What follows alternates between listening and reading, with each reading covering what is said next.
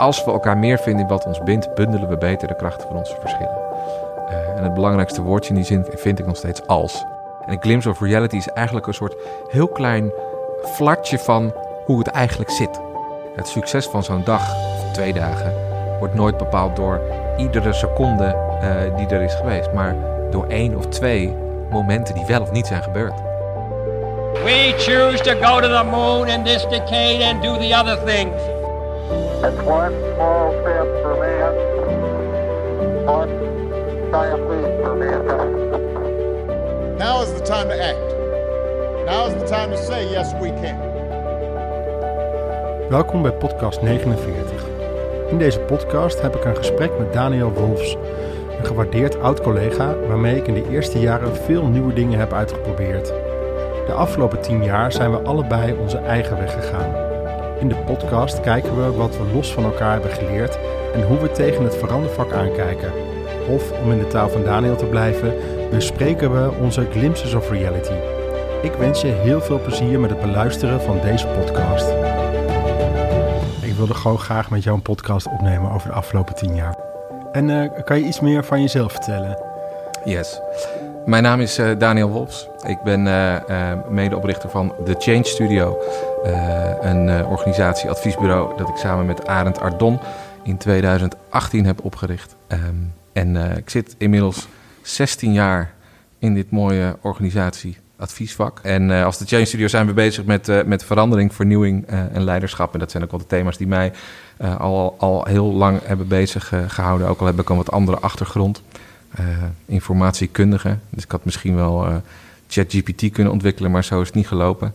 Um, en ja, ik ben woonachtig in de meren onder de rook van Utrecht. Ik woon samen met Marloes en twee schatten van kinderen, Jesse en Merel. ja, dat ben ik. Vanochtend zat ik ook te denken van ja, maar wat heb ik dan de afgelopen tien jaar nou gewoon geleerd? Ja. En dan uh, komen er een paar dingen naar boven en dan uh, denk ik, ja, mensen maken het verschil. Ja, dat zeiden we toen ook al in voorstellen. Ja. Uh, verleden, heden, toekomst heb, heb ik daar eigenlijk al geleerd. Ja. Um, maar, ja, wat is waar jij steeds nu al op terugvalt? Maar ook wat heb je de afgelopen tien jaar geleerd? Ja. Grote vraag. Ja, dat is zeker een grote vraag. Nou, ik weet ook wel. Um, ik stopte dus na 8,5 jaar bij KPMG en ik, ik, ik merkte op een gegeven moment, ik, ik wilde gaan ondernemen. Uh, wat best wel spannend was, want uh, mijn vrouw was toen hoogzwanger van, van onze eerste. Um, en ik twijfelde. En iemand zei toen ook tegen mij, ja Daniel, je, nu krijg je misschien je eerste. Dat je denkt, nou, laten we nog niet gaan ondernemen. En dan denk je het over een paar jaar weer, krijg je je tweede. En denk je, laat me niet gaan ondernemen. En dan een paar jaar verder koop je misschien een groter huis. Want je bent met z'n vier, laat me niet gaan ondernemen. Dus als jij wil ondernemen, zou ik vooral gaan ondernemen. Um, dat is een van de beste adviezen die ik heb gekregen. Dus ik, ben, ik heb toen wel de stap gewaagd. Wat uh, spannend was. En, en, dan leg je natuurlijk alles wat je doet wel onder een, um, onder een vergrootglas. Dus uh, ik ging toen heel erg kijken naar wat, wat, wat heb ik eigenlijk gedaan de afgelopen 8,5 jaar of de afgelopen 4, 5 jaar? Weet je, dat je echt in die ontwikkeling zit. Um, en um, ja, uh, wat, wat is dan eigenlijk wat ik zo belangrijk vind? En waar ik toen achter kwam, um, is dat ik stiekem heel veel deed uh, in vraagstukken waar samenwerking een hele belangrijke rol speelde. Of dat nou uh, binnen organisaties was of tussen organisaties. Toen ook al veel, net als nu nog steeds, wel bezig met netwerkverbanden, samenwerkende organisaties of, ja, of overheidsinstellingen die redelijk midden in de samenleving staan en dus ook samen moeten werken met allerlei andere partijen daaromheen. Um, dus, dus en toen dacht ik, ja, dat, ik wil dat scherper krijgen. Dus toen ben ik een boek gaan schrijven. Magic Makers, de kracht van samen veranderen. Um, en, en daar heb ik ingeschreven wat ik, wat ik toen dacht. Is dat een kleine spoiler misschien naar wat er nog gaat komen? uh, is, ja, daar doe, daar doe ik het uh, tekort mee. Maar wat ik in ieder geval toen dacht van, ah, maar, maar, zo zit dat in elkaar. Um, uh, en dus, dus een van de voorbeelden is, um, ik had dat boek geschreven, maandenlang mee bezig. En dan heb je interviews over het boek. En dan word je gevraagd, kun je het boek in één zin omschrijven? En ik vond het een hele vervelende vraag. Want ik had dagen, uren, nou geen nachten, dat vond ik overdreven, maar echt dagen gewerkt aan dat boek. Bloed, zweet en tranen. Bloed, zweet en tranen. Ja. Kun je het in één woord samenvatten? Ja, je kunt het ook gewoon lezen, weet je wel. Ja. Ehm, maar nou, die vraag kwam vaker terug. Ik dacht, ik ga het toch proberen. En ehm, dat, de zin die dat boek samenvat is... als we elkaar meer vinden in wat ons bindt... bundelen we beter de krachten van onze verschillen. Ehm, en dat was wel een soort eh leidmotief in, eh, in veel van de opdrachten eh, die, ik, die ik destijds deed. Ook omdat ik zag, dat zie ik nou nog steeds, hoe belangrijk en soms ook onderschat aspect dat, dat samenwerken is. Ik kom eigenlijk geen organisatie tegen waarvan ze zeggen, eh, die niet zeggen van we hebben deze ambitie voor de komende paar jaren, maar daarvoor moeten we wel tussen de business units of tussen de regio's of tussen de entiteiten van onze organisatie beter samenwerken. Tot nu toe erg in silo's gewerkt en nu moeten we, of als je een overheid hebt, ja, we moeten nu toch echt wel veel meer eh, participeren met de samenleving om ervoor te zorgen dat. Nou, ehm, dus als we elkaar meer vinden in wat ons bindt, bundelen we beter de krachten van onze verschillen. Eh, en het belangrijkste woordje in die zin vond ik, vind ik nog steeds als. Eh, want heel vaak starten we vanuit verschillen en gaan we die verschillen benadrukken. Zie je ook in de samenleving, nietwaar? Ehm en, ehm, en, en ik heb nu al ja, zeven, acht jaar verder eh, nog steeds geen nieuw boek geschreven. Terwijl ik wel in de praktijk soms merkte, oh wacht even, daar dacht ik toen zo over. Maar dat zit toch nog net iets anders. Dus ik dacht bijvoorbeeld altijd, als we gingen samenwerken, ik dacht we moeten gelijk op die verbinding gaan zitten. Gelijk zorgen, want, we- want als we elkaar meer vinden wat ons bindt, dan. Hè, dus dat moeten we scherp krijgen. En dat, dat, ik merkte dat dat niet altijd lukte. Dat mensen ja, op hele obligate antwoorden gaven, ook logisch hè. Eh, maar ik dacht, ja, we, we raken hier nog niet de kern, maar ik vind wel dat het waar is. Ehm, en, en een van de inzichten van het laatste anderhalf jaar is hoe, het, hoe, hoe belangrijk het ook is om een soort eigenheid in te brengen. Niet om je verschil te benadrukken met de ander, maar, maar je, gewoon jezelf of je organisatie of je business unit, om die ook een soort plek te laten hebben. Hè, als we het systemisch zouden noemen. Ja. En op het moment dat dat er is, dan kunnen we het heel goed over die verbinding hebben.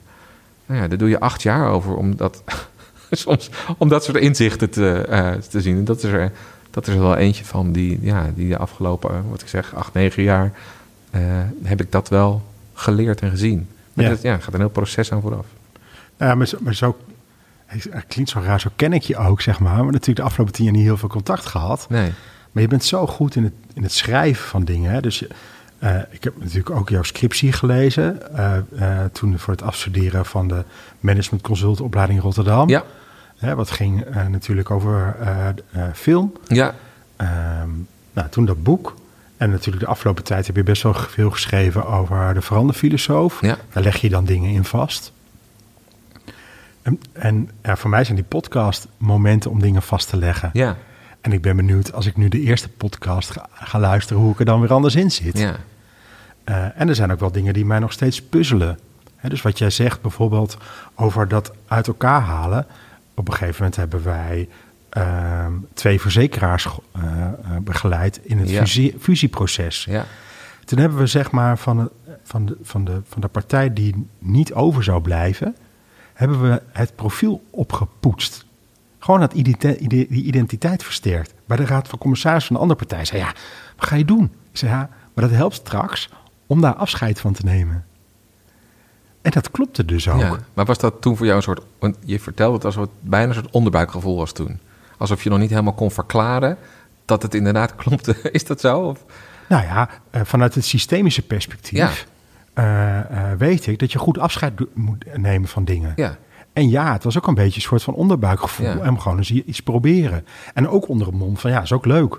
Het was best wel een regionale verzekeraar. Dus we zijn op allerlei eh, zolders geweest met oude dozen openmaken. En je merkte gewoon dat dat heel veel energie gaf.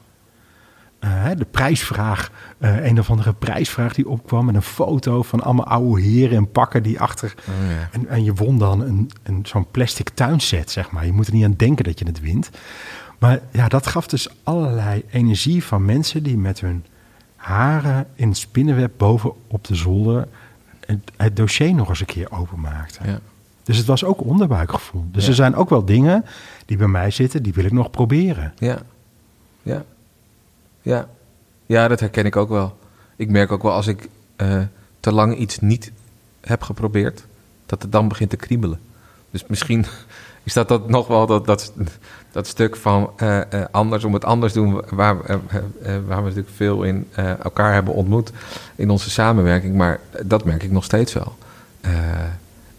En dat, we konden natuurlijk helemaal losgaan in de coronatijd. Ik weet niet hoe jij dat toen hebt ervaren, maar eh, we hebben toen als de Change Studio, weet ik nog dat we, eh, we hebben online escape rooms ontwikkeld.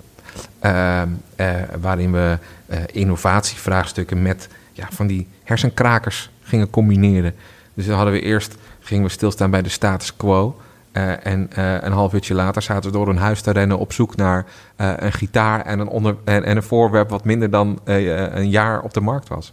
We hebben hele, hele tweedaagse online gehad. Weet je? Waarvan mensen zeiden, ja, maar dat, ging, eh, eh, dat vloog een stuk sneller voorbij dan een gemiddeld teamsoverleg. Eh, we moesten wel ontdekken dat er een soort andere wetten waren. Dus eh, maximaal anderhalf uur zaten we achter het scherm, dan een half uur pauze. Zou je natuurlijk in een fysieke locatie nooit doen, half uur pauze. Dan is iedereen weer op zijn mail aan het checken en eh, weet je, of aan het roken of weet ik wat allemaal. Maar, ehm, ja, maar daar was dat nodig en dan, gingen we weer verder en dan s- zat men weer eh, fris. We gingen zelfs met de HR-afdeling hadden we postcodechecks eh, laten doen, zodat we op een gegeven moment gingen mensen die dicht bij elkaar woonden een stukje met elkaar wandelen op anderhalve meter. Via Mentimeter dan weer de input inleveren bij ons. Zij hadden een half uur pauze. Collega en ik, als een gek, ehm, al die Mentimeter dingen analyseren, mooi op een slide zetten. En nou, dan gingen we weer verder. Eh, ja, dat soort dingen. Dat, en ik heb daar wel in die tijd ook wel heel veel energie van gekregen. Ik bedoel, het was in het begin wel schrikken, het was aanpassen en überhaupt natuurlijk ook de, eh, de, onzekerheid wat zo'n coronavirus überhaupt gaat doen. Maar toen dat allemaal een beetje was gekalmeerd en je merkte dat het bedrijfsleven ook dacht, ja, we kunnen ook een aantal jaar niks gaan doen, maar we kunnen ook gewoon maar weer doorgaan met wat we aan het doen waren. Ehm, dat er ook daar wel veel vernieuwing loskwam. Ik heb er wel van genoten. Ja, ik ook. Weet je, op het moment dat dat gebeurde, dacht ik ook: oh, kak, wat gaat er nou gebeuren? Wanneer worden we ziek en hoe werkt dat dan? Ja, had ik ook. Maar ik heb op twee manieren heb ik er ook van genoten. Dat is enerzijds voelde ik ook, alles kan weer. Ja, Hè, dus dus eh, het was ergens niet denken van oké, hoe brengen we fysieke eh, meetings over naar online? Maar wat is de essentie van samenzitten en Ja. samenwerken met elkaar? En hoe doe ik dat dan online? ja, Ja, en ja, we hebben daar, ik heb daar echt enorm van genoten, ook samen met Maartje. Hè, op een gegeven moment waren we het helemaal zat. Toen zijn we op een gegeven moment op straat met stoep te krijt, zijn we het programma gaan maken. oh ja. Ja, Zoveel lol gehad met Ja, elkaar. Ja, dat soort dingen. Hè? En, en ja, dat soort dingen deden we dan. En de andere kant kon ik ook heel erg genieten van weer in het gezin zijn. Ja, ja, Samen lunchen. ja, Ehm, ehm, wat, ik heb nu aardrijkskunde. Eh, ik heb nu dit. Eh, ik ga zus doen, ik ga zo doen. Ja. En dan weer bij elkaar komen. ja. Dus, dus in het klein eh, heb ik er ook heel erg van ja genoten. heel herkenbaar, ja. En de kinderen kregen vol mee wat ik voor werk deed. Ja, ja, dat had ik ook. Ik had Dat had één ik ook. meeting op een gegeven moment. liep De opdrachtgever liep gewoon van boosheid, liep hij gewoon weg van de, van de Zoom-meeting. Oh ja, En ik dacht echt, kak, wat moet ik nou doen? En dat stond ik in de keuken te vertellen aan Sandra, mijn vrouw, hè, voor de luisteraars. Maar de kinderen stonden daar ook vol omheen te kijken van, wat gebeurt hier? ja. Het beste advies dat ik af en toe aan mensen kan geven. Het is maar werk. Het is mijn werk. Ja, ja, Even relaxed, joh. ja. Nee, dat is het ook. Dat is het ook. Ja, ja maar je kunt er ook wel weer... ehm, als ik ermee bezig ben, kan ik er ook wel gewoon helemaal in eh, zitten. Ik bedoel, niet per se dat ik een dossiertijger ben. Dat zou impliceren dat ik alle documenten eh, lees die er zijn. En dan, dus dat is het niet, maar ik kan me wel eh, ja, gewoon helemaal vastbijten in een organisatievraagstuk. En dat het me bezighoudt. En eh, ja, dat je ook los van de, de sessies of de interviews of de gesprekken die je hebt, ook dan kijkt van hoe werkt het eigenlijk? Hoe zit het eigenlijk? Waarom eh, loopt het daar nog niet helemaal? Hey, waarom werkt dit eigenlijk wel? Ehm, ja, dat, dat heb ik wel. En hoe ga je daar dan mee om? Dat is heel herkenbaar, hè? Dit, dit is heel herkenbaar. Ja, Gewoon. Ik stel het altijd voor me dat ik dan ergens in een soort van eh, rivierstroom kom te zitten van zo'n organisatie. ja, Misschien een beetje aan de rand, maar soms misschien ook wel in het midden. En dat ik dan voel en ervaar en kijk en zie wat, wat stroomt er nu langs mij heen. Oh ja. Wat, wat is het nou wat mij eh, wa- wat dan opvalt, maar ook even in de rust eh, wat net even niet opvalt. Ja. En zo kan ik me echt letterlijk echt onderdompelen in zo'n organisatie. Ja. Ja. En ik kan daar dus ook nachten van wakker liggen. Oh ja. Ja, dat probeer ik altijd te voorkomen. Ja, ik ook. Ja. maar- dan denk ik altijd, ja, nu kan ik er toch niks aan doen. Ehm, nee, ik, ik zit... ehm, weet je, vroeg, hoe, hoe ziet het er natuurlijk voor je uit, hè? Eh, ik, ik merk dat ik altijd... eh, ja, het is toch een soort puzzeltje wat je altijd probeert te leggen. Eh, en ehm, als... als eh, ik ben vorig jaar inderdaad begonnen met het schrijven als eh, onder het pseudoniem de veranderfilosoof. Om een aantal van die grote vraagstukken vast te pakken. En een van die vraagstukken die ik vaak hoorde was: doen we de goede dingen? Heb je misschien ook wel gehoord in de organisaties? Eh, of doen we de goede dingen of doen we de dingen goed?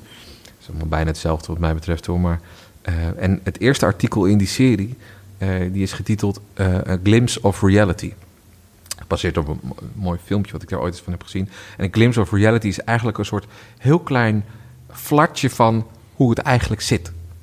Ehm, en ik denk dat dat, dat dat probeer ik altijd na te streven. Dat je, ehm, en wat natuurlijk het interessante van dat soort dingen is, dat kun je nooit forceren. Ehm, maar je weet in ieder geval dat je het niet hebt op het moment dat je heel veel afstand hebt van een organisatie. Want ja, dan, dan weet je niet wat er speelt. Maar je hebt het ook niet als je te dichtbij bent. Dan, ga je op een gegeven moment, zeker in ons vak vind ik, als ik onderdeel zou uitmaken van een organisatie die ik begeleid, ja, dan ga ik niet meer die eh, patronen zien waar ze invallen. Dan zie ik niet meer de inconsistenties ehm, waar ze last van hebben eh, op weg naar een, eh, een andere manier van werken. Dus je moet er altijd een soort van, ja, niet yo-yo, maar niet te dichtbij, niet te ver af zitten. Maar er wel, eh, ja, weet je, onderdompelen vind ik ergens wel een mooi woord. Je bent, je bent ermee bezig, je hebt veel gesprekken, je maakt veel aantekeningen, doe ik ook nog steeds. Eh, of eh, je spreekt nu dingen in en dan laat je AI je aantekeningen maken. Maar het zijn nog steeds aantekeningen.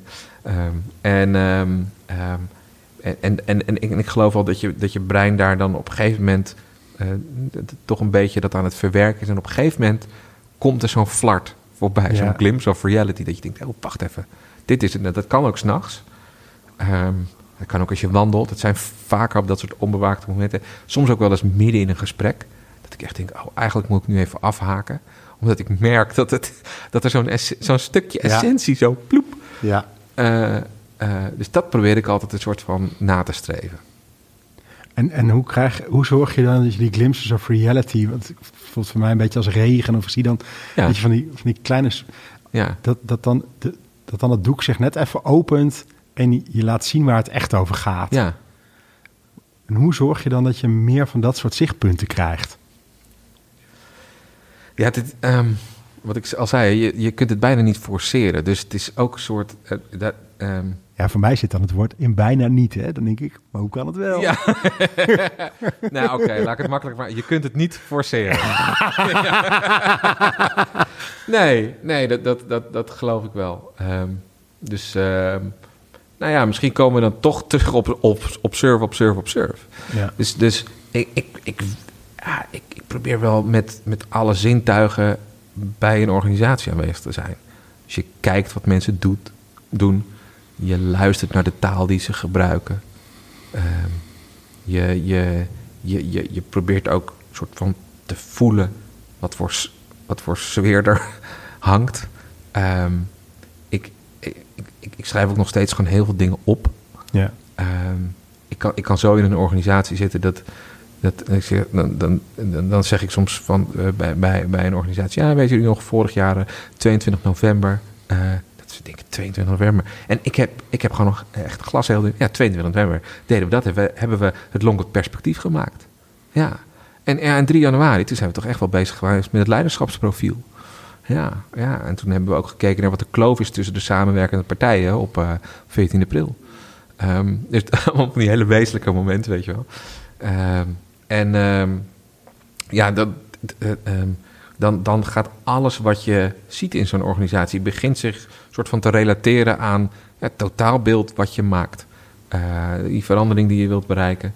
Eh, en heel af en toe komt er dan een inzicht langs dat je denkt, ja, maar volgens mij, volgens mij zit het zo. Of volgens mij hebben we daar nog geen aandacht aan eh, besteed. Of volgens mij moet ik dit gesprek losmaken, want anders, ja, anders komt het niet. Ja, dit is dan de reden waarom ze dan net niet verbinden met elkaar. Dat was natuurlijk Ja. ook hetgene wat jij zei over die ene zin. Ja, Dit is dan de reden. En ja, door daar vanaf het begin vanuit te gaan dat het maakbaar is dat je mensen dus inderdaad rondom dat ideaal of rondom iets gemeenschappelijks. Hè, jij hebt het ook wel middelpunt zoekende krachten Ja. genoemd volgens mij, dat je mensen daaromheen kan organiseren. Maar er zijn natuurlijk ook hele goede redenen waarom mensen niet eh, dat willen. Zeker. En daar krijg je dan zicht op en daar kan Ja. je dan aan werken. Ja, En voor mij eh, is dat dan, zeg maar, helemaal dat opstellingen doen, systemen naar kijken. ja, Mezelf ook preppen, ook Ja. kijken van, nou, oké, maar waarom heb ik deze opdracht? Hè, waarom ben ik hier eigenlijk opgezet om te falen? Want daarmee houdt het systeem zich in stand. Eh, dat is een tweede aspect. En ik ben ook best wel bezig met, eh, met I Ching. Eh, eh, als een soort van orakel, wat wil er nog meer verteld worden?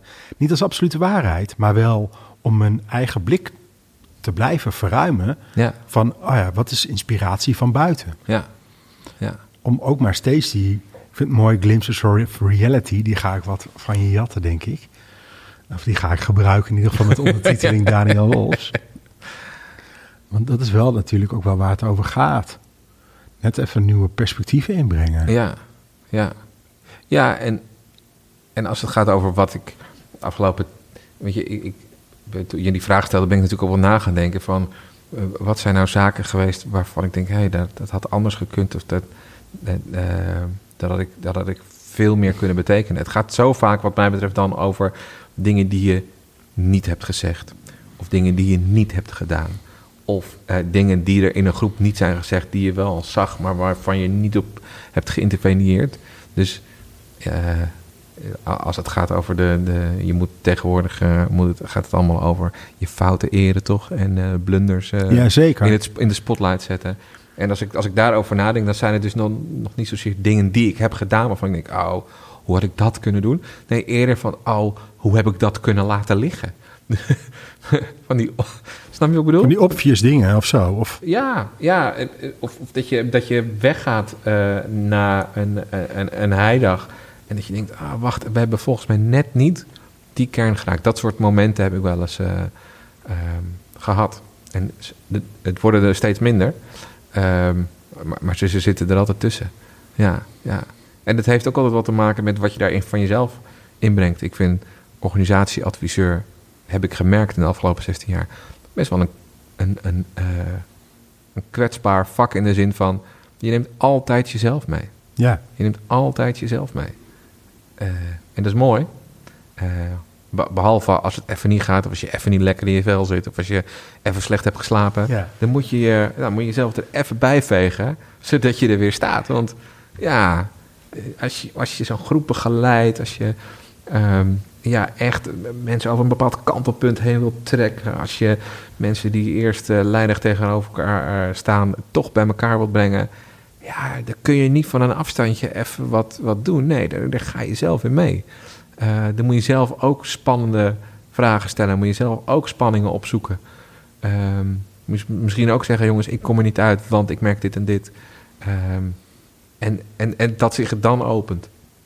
En, en, wat, en, en wat doe jij daaraan? Hoe doe je dat? Want ik moet even lachen, want ik moet ook denken aan de trainingen die ik bij KPMG toen afvolgde. Ja. Jij bent Ja. oké, ik ben oké, alles is oké. Ja, ja, Dan wachten jullie gewoon totdat ik die training weer eens deed, want dat waren verschillende modules. En dan gingen jullie mij vragen stellen, want dan vond ik alles oké. ja.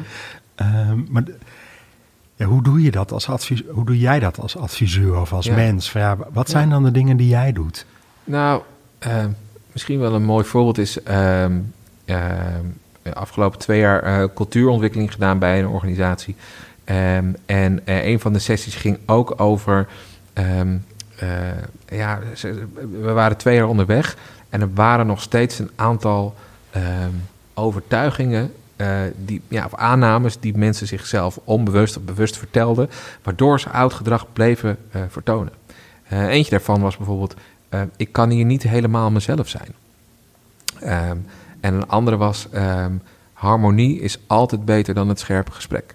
Dat soort dingen, die hebben we natuurlijk uiteindelijk geëxpliciteerd. Het is nooit zo dat iemand in een gesprek zit en zichzelf hoort zeggen...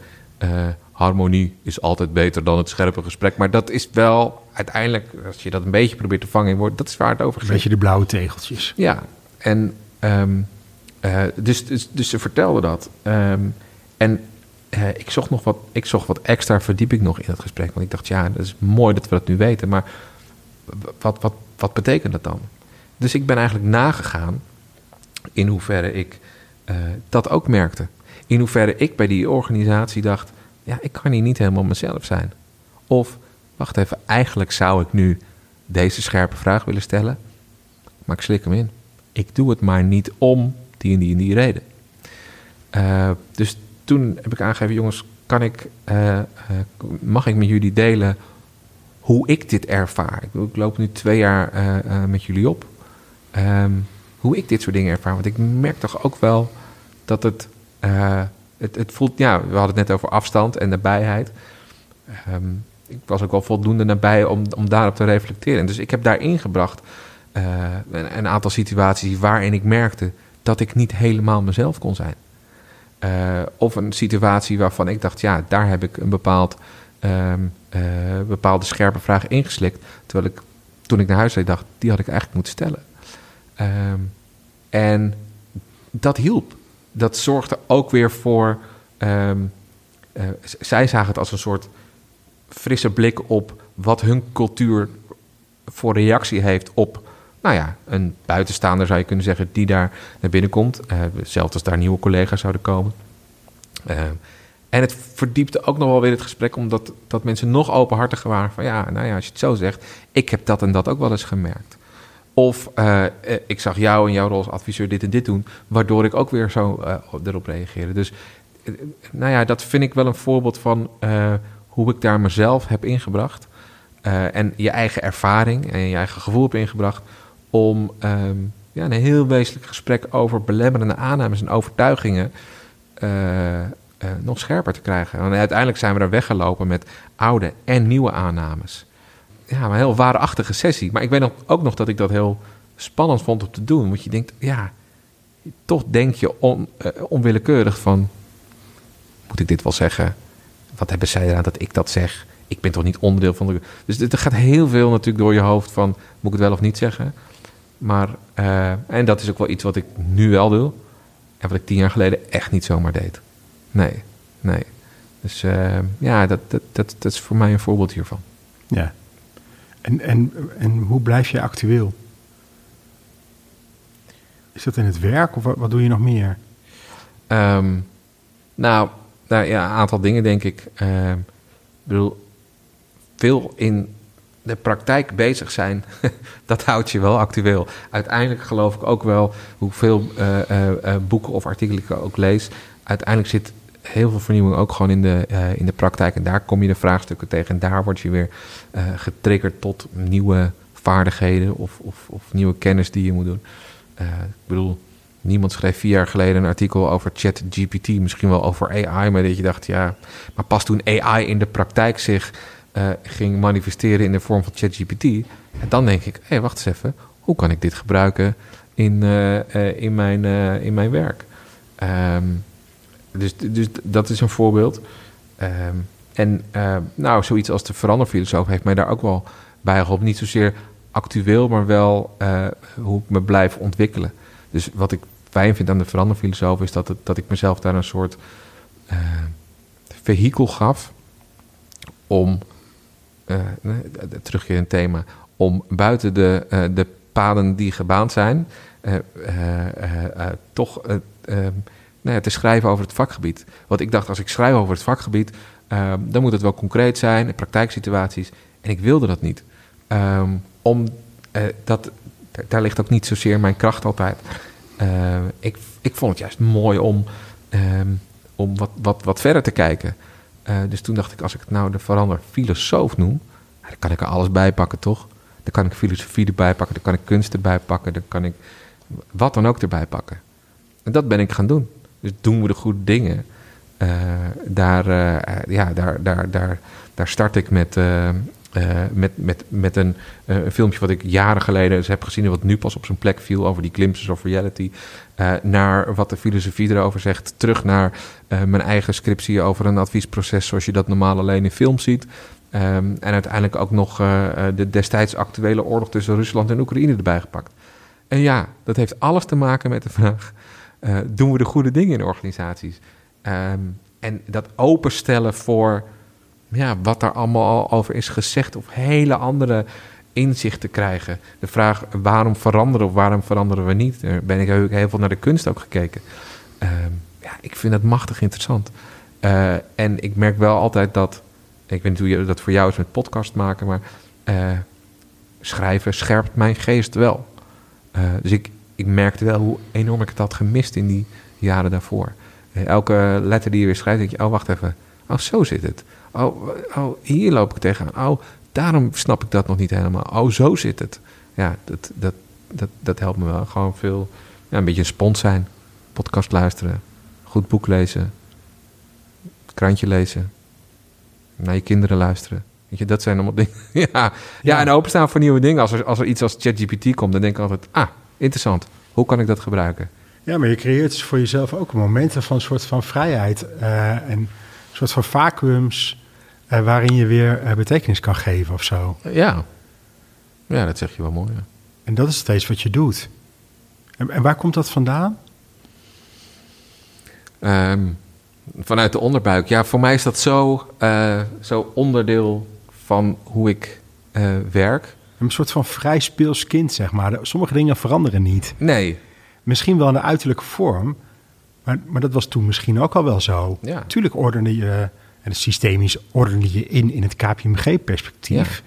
En je had je daar je eigen vrijheid en je eigen eh, ik in zitten. Ja. Ja.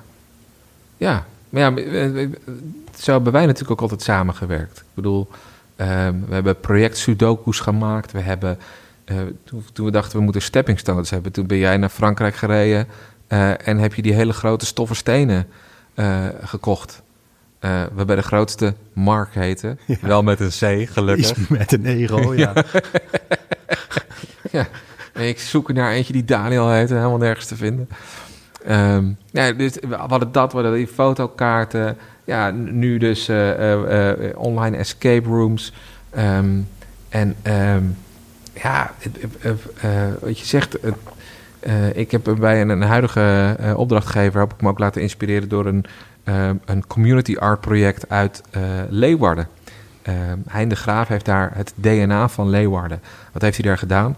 Ehm, die, eh, die wilde een beetje de ziel van Leeuwarden eh, eh, pakken. Dus hij heeft iedereen uitgenodigd om eh, een stukje DNA, dat is iets minder plastisch als dat dat klinkt, ehm, eh, in een buisje te doen. Dus dat kon zijn eh, eh, een, een stukje vlag van Cambuur, omdat je, of een tekening die je voor oma had gemaakt. Of eh, een stukje eh, gras bij het grasveld waar je altijd mooie gesprekken had, weet ik veel. En dat heeft hij allemaal verzameld. Plus een verhaal over wat jou nou bindt aan Leeuwarden. En samen noemde hij dat het poëtisch DNA.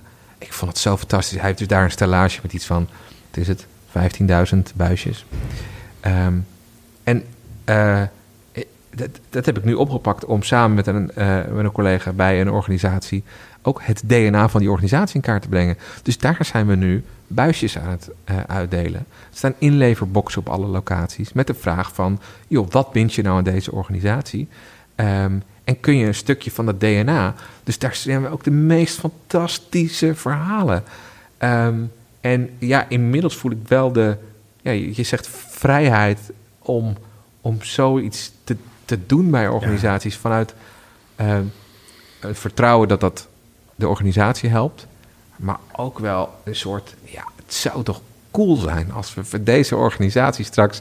Nou, de bedoeling is dat we daar 1750 buisjes hebben van al, al die medewerkers die we op verschillende locaties hangen. Met al die verhalen erbij. Ja, hoe tastbaar wil je verbinding hebben? Ja, de, ik, dat, dat soort dingen. Ik vind dat zo waanzinnig cool om te doen. En ik kan niet verklaren waarom ik dat. Want dat was natuurlijk je vraag van waar dat vandaan komt. Eh, Nee, het is niet dat ik dat. Dat ik zeg, ah, nou, vroeger had ik ook al dit. en- Nee, niet zozeer. Misschien wel op school, maar heb ik ook wel dat soort initiatieven gehad. Dus het heeft er altijd in gezeten of zo.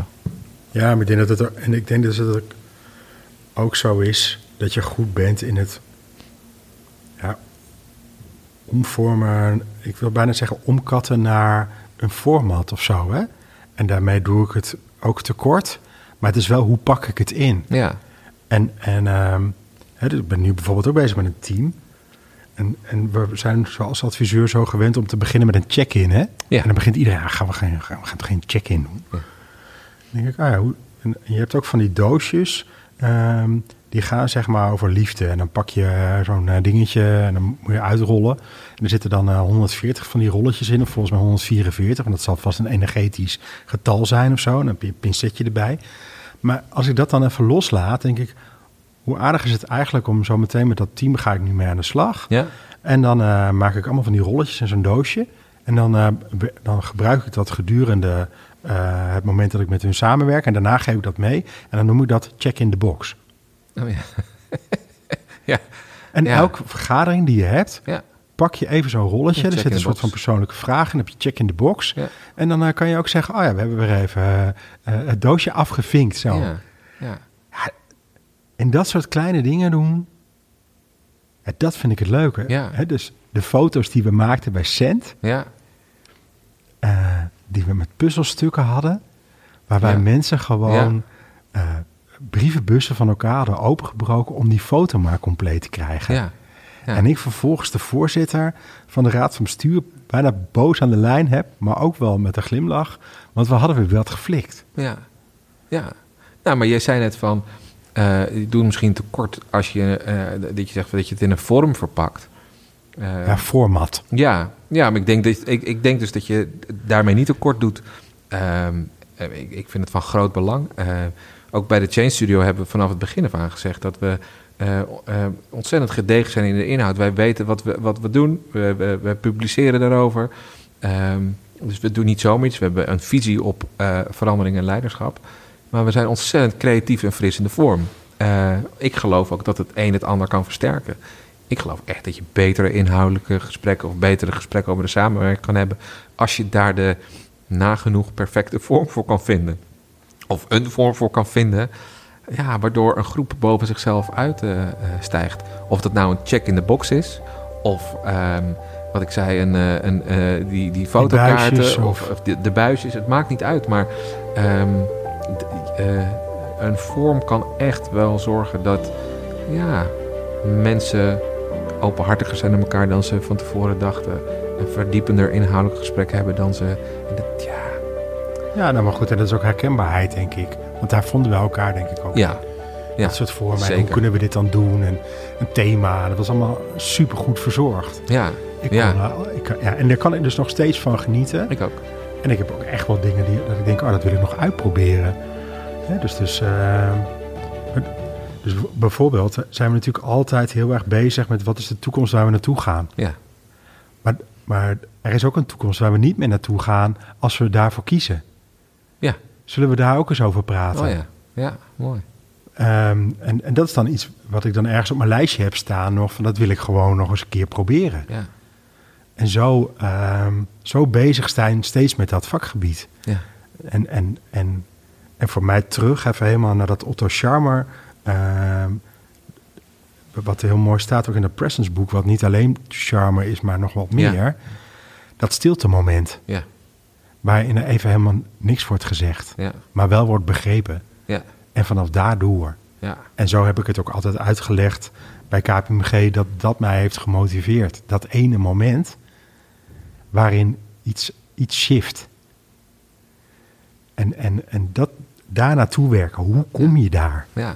Maar heb je ook niet dat eh, eh, als je een tweedaagse hebt, of een driedaagse of een eendaagse, maakt niet uit, maar zo'n zo'n sessie waarin je de strategie bepaalt, of waarin je een samenwerkingsvraagstuk bespreekt, of ehm, het succes van zo'n dag of twee dagen wordt nooit bepaald door iedere seconde eh, die er is geweest, maar door één of twee momenten die wel of niet zijn gebeurd.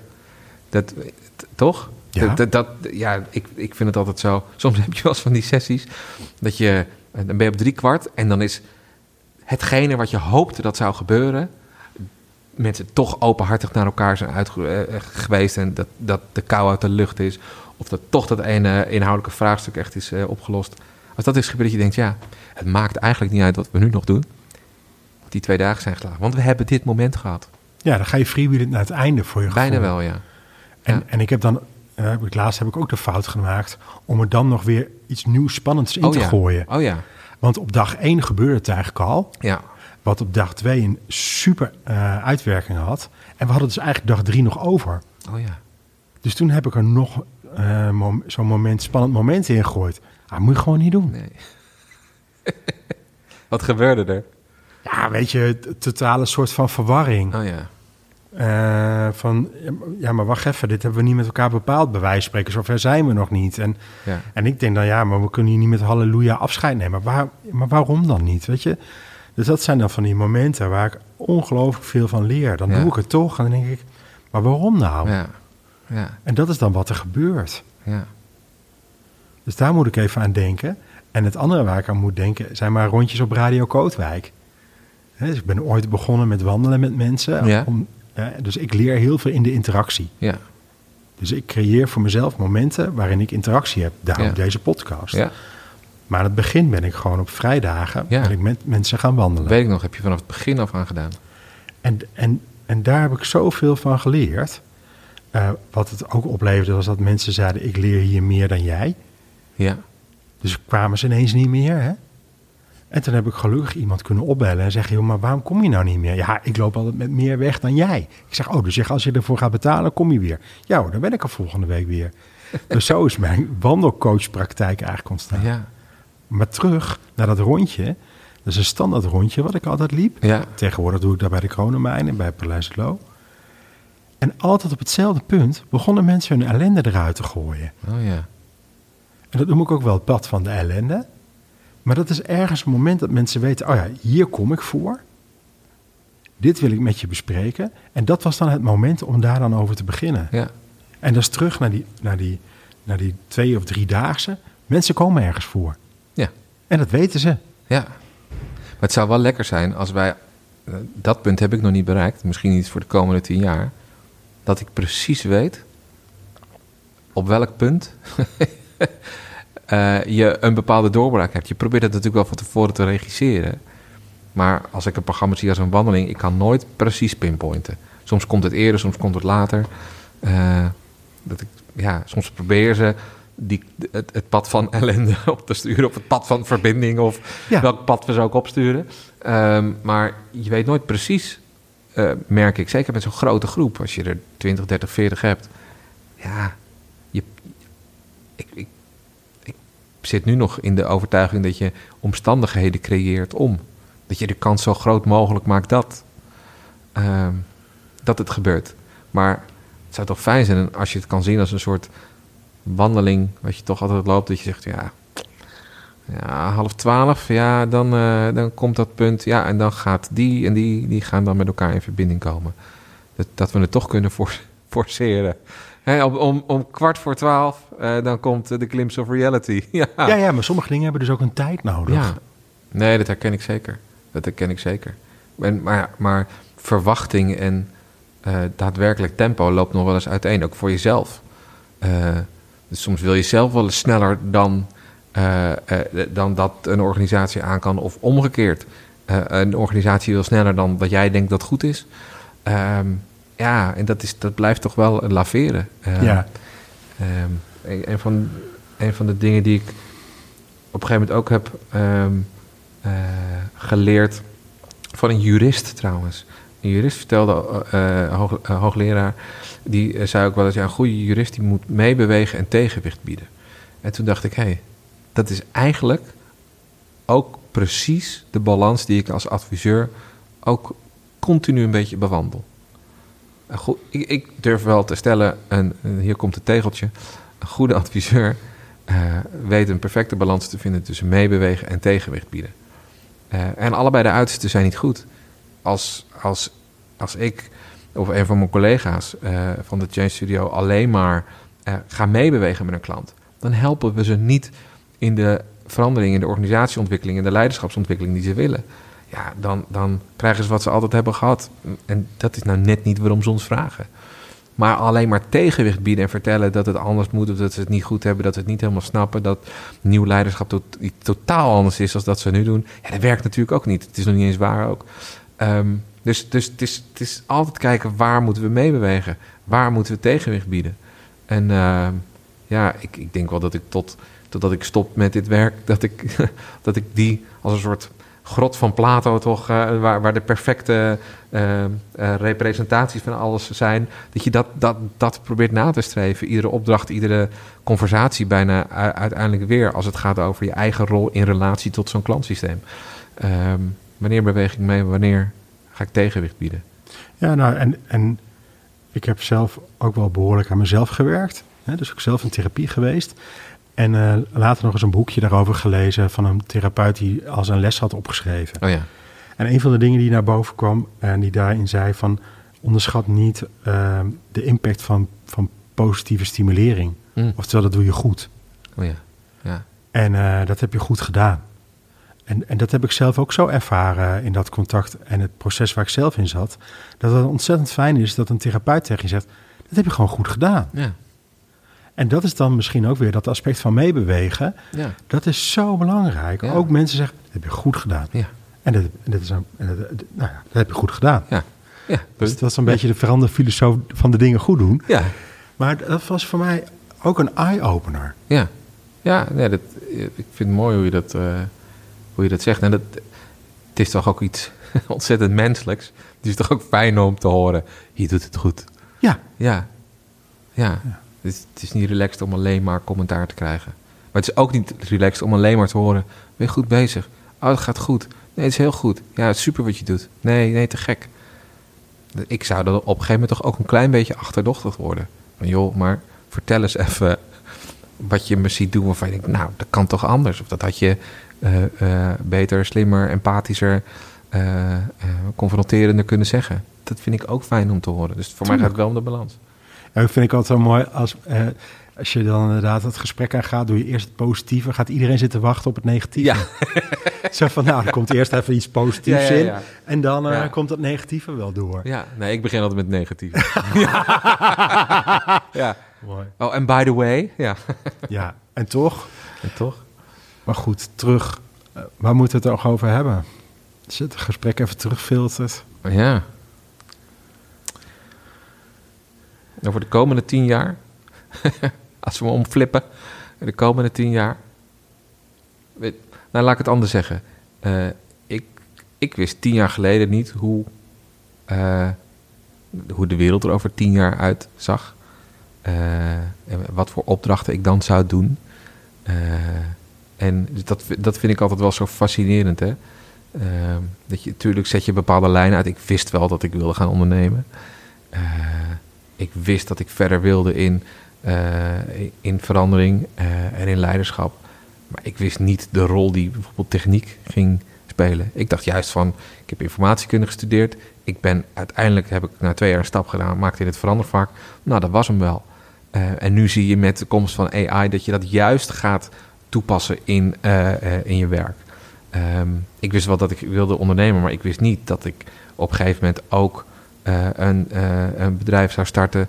Waar we met z'n drieën starten en nu met z'n dertienen zijn. En hoe het zou zijn om niet zozeer wakker te liggen van de omzet, maar van het feit dat je verantwoordelijk bent, mede verantwoordelijk bent, gelukkig in mijn geval, voor ehm, eh, dat, dat je mensen toffe opdrachten doen. En een fijne werksfeer hebben. En brood op de plank hebben aan het eind van iedere maand. Daar lag ik veel meer wakker. En hoe dat zou zijn, ik, dat, dat wist ik van tevoren helemaal niet. Dus ik zei net wel, eh, jij vroeg nog waar moeten we het nog over hebben? Over de komende tien jaar. En tegelijkertijd denk ik, ik weet het niet. Ik weet ook niet, ik durf misschien een jaartje, misschien twee jaar vooruit te kijken. Maar tien jaar vooruit te kijken. En het adviesvak dan? Ik weet het niet. Ik weet het niet. Nee. Nee, nou dat weet ik ook niet. Eh, voor mij is wel leidraad, zeg maar, eh, om het echte pad te bewandelen en niet het voorgeschreven pad. Dat is een prachtig gedicht van Merel Morren, dat zal ik je wel toesturen. Ja. En eh, ja, weet je, als het dus niet gaat, verleg een laagje lat. Eh, maar blijf eh, op het echte en niet het normale pad Ja. of zo. Ja. En, en dat is wel wat mij drijft om, ehm, om dat echte pad te blijven bewandelen. En dat is nog steeds een pad. Ja. Dat mensen in een verwachting hebben waar ze op zitten. En tegelijkertijd dus wel van, oh ja, maar dit is dus wel waar we op zitten. En dat vergt ook bepaalde keuzes. Ja. Ja. Ja, en als ik, en als ik tien jaar vooruit kijk, dan, dan, dan weet ik ook niet waar ik zit. Maar ik vind het altijd wel opvallend dat ik eigenlijk altijd ehm, nu- doe wat ik voor mijn gevoel over tien jaar misschien had willen doen. Oh ja, ja, ja, dat begrijp ik wel. Ja, En, en en dus, dus, dus dat is ook het rare. Wij verschillen zelf tien jaar van elkaar. Ehm, en dat is misschien dan ook wel de versneller. Maar ik weet ook niet wat ik over tien jaar doe. Maar ik Ja. weet wel wat ik nu doe, dat ik daar enorm van geniet. ja, ja. En het grappige is, door dit gesprek kom ik eigenlijk ook achter... dat het niet zo heel veel anders is dan dat ik tien jaar geleden Nee, deed. Hè? nee. Er zijn een aantal basisprincipes die nog steeds hetzelfde zijn. Zeker, zeker. Nee, en, en eh, ik, eh, ik heb bijvoorbeeld altijd wel gehad...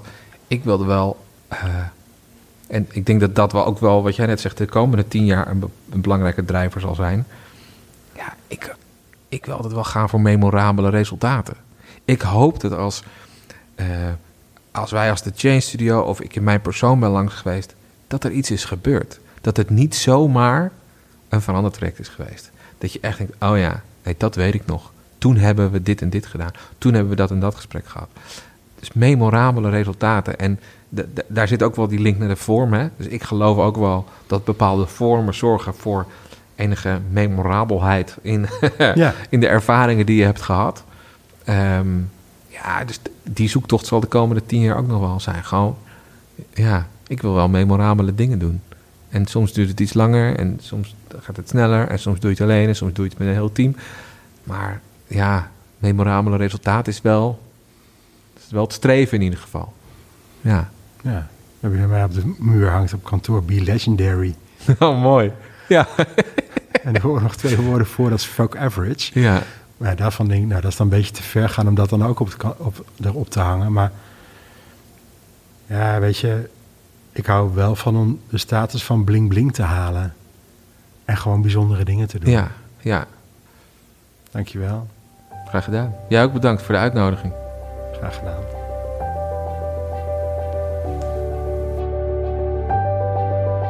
Zo zijn we weer aan het einde gekomen van een nieuwe podcast. Mocht je een vraag hebben naar aanleiding van de podcast of over organisatietransformatie in zijn algemeen, dan kan je mij een mail sturen op markapenstaartovertransformaties.nl. Daarnaast kan je je op de website overtransformaties.nl inschrijven voor de podcast alert. Als er dan een nieuwe podcast is uitgebracht, krijg je hiervan een bericht. Nogmaals dank voor het luisteren en wellicht tot een volgende podcast.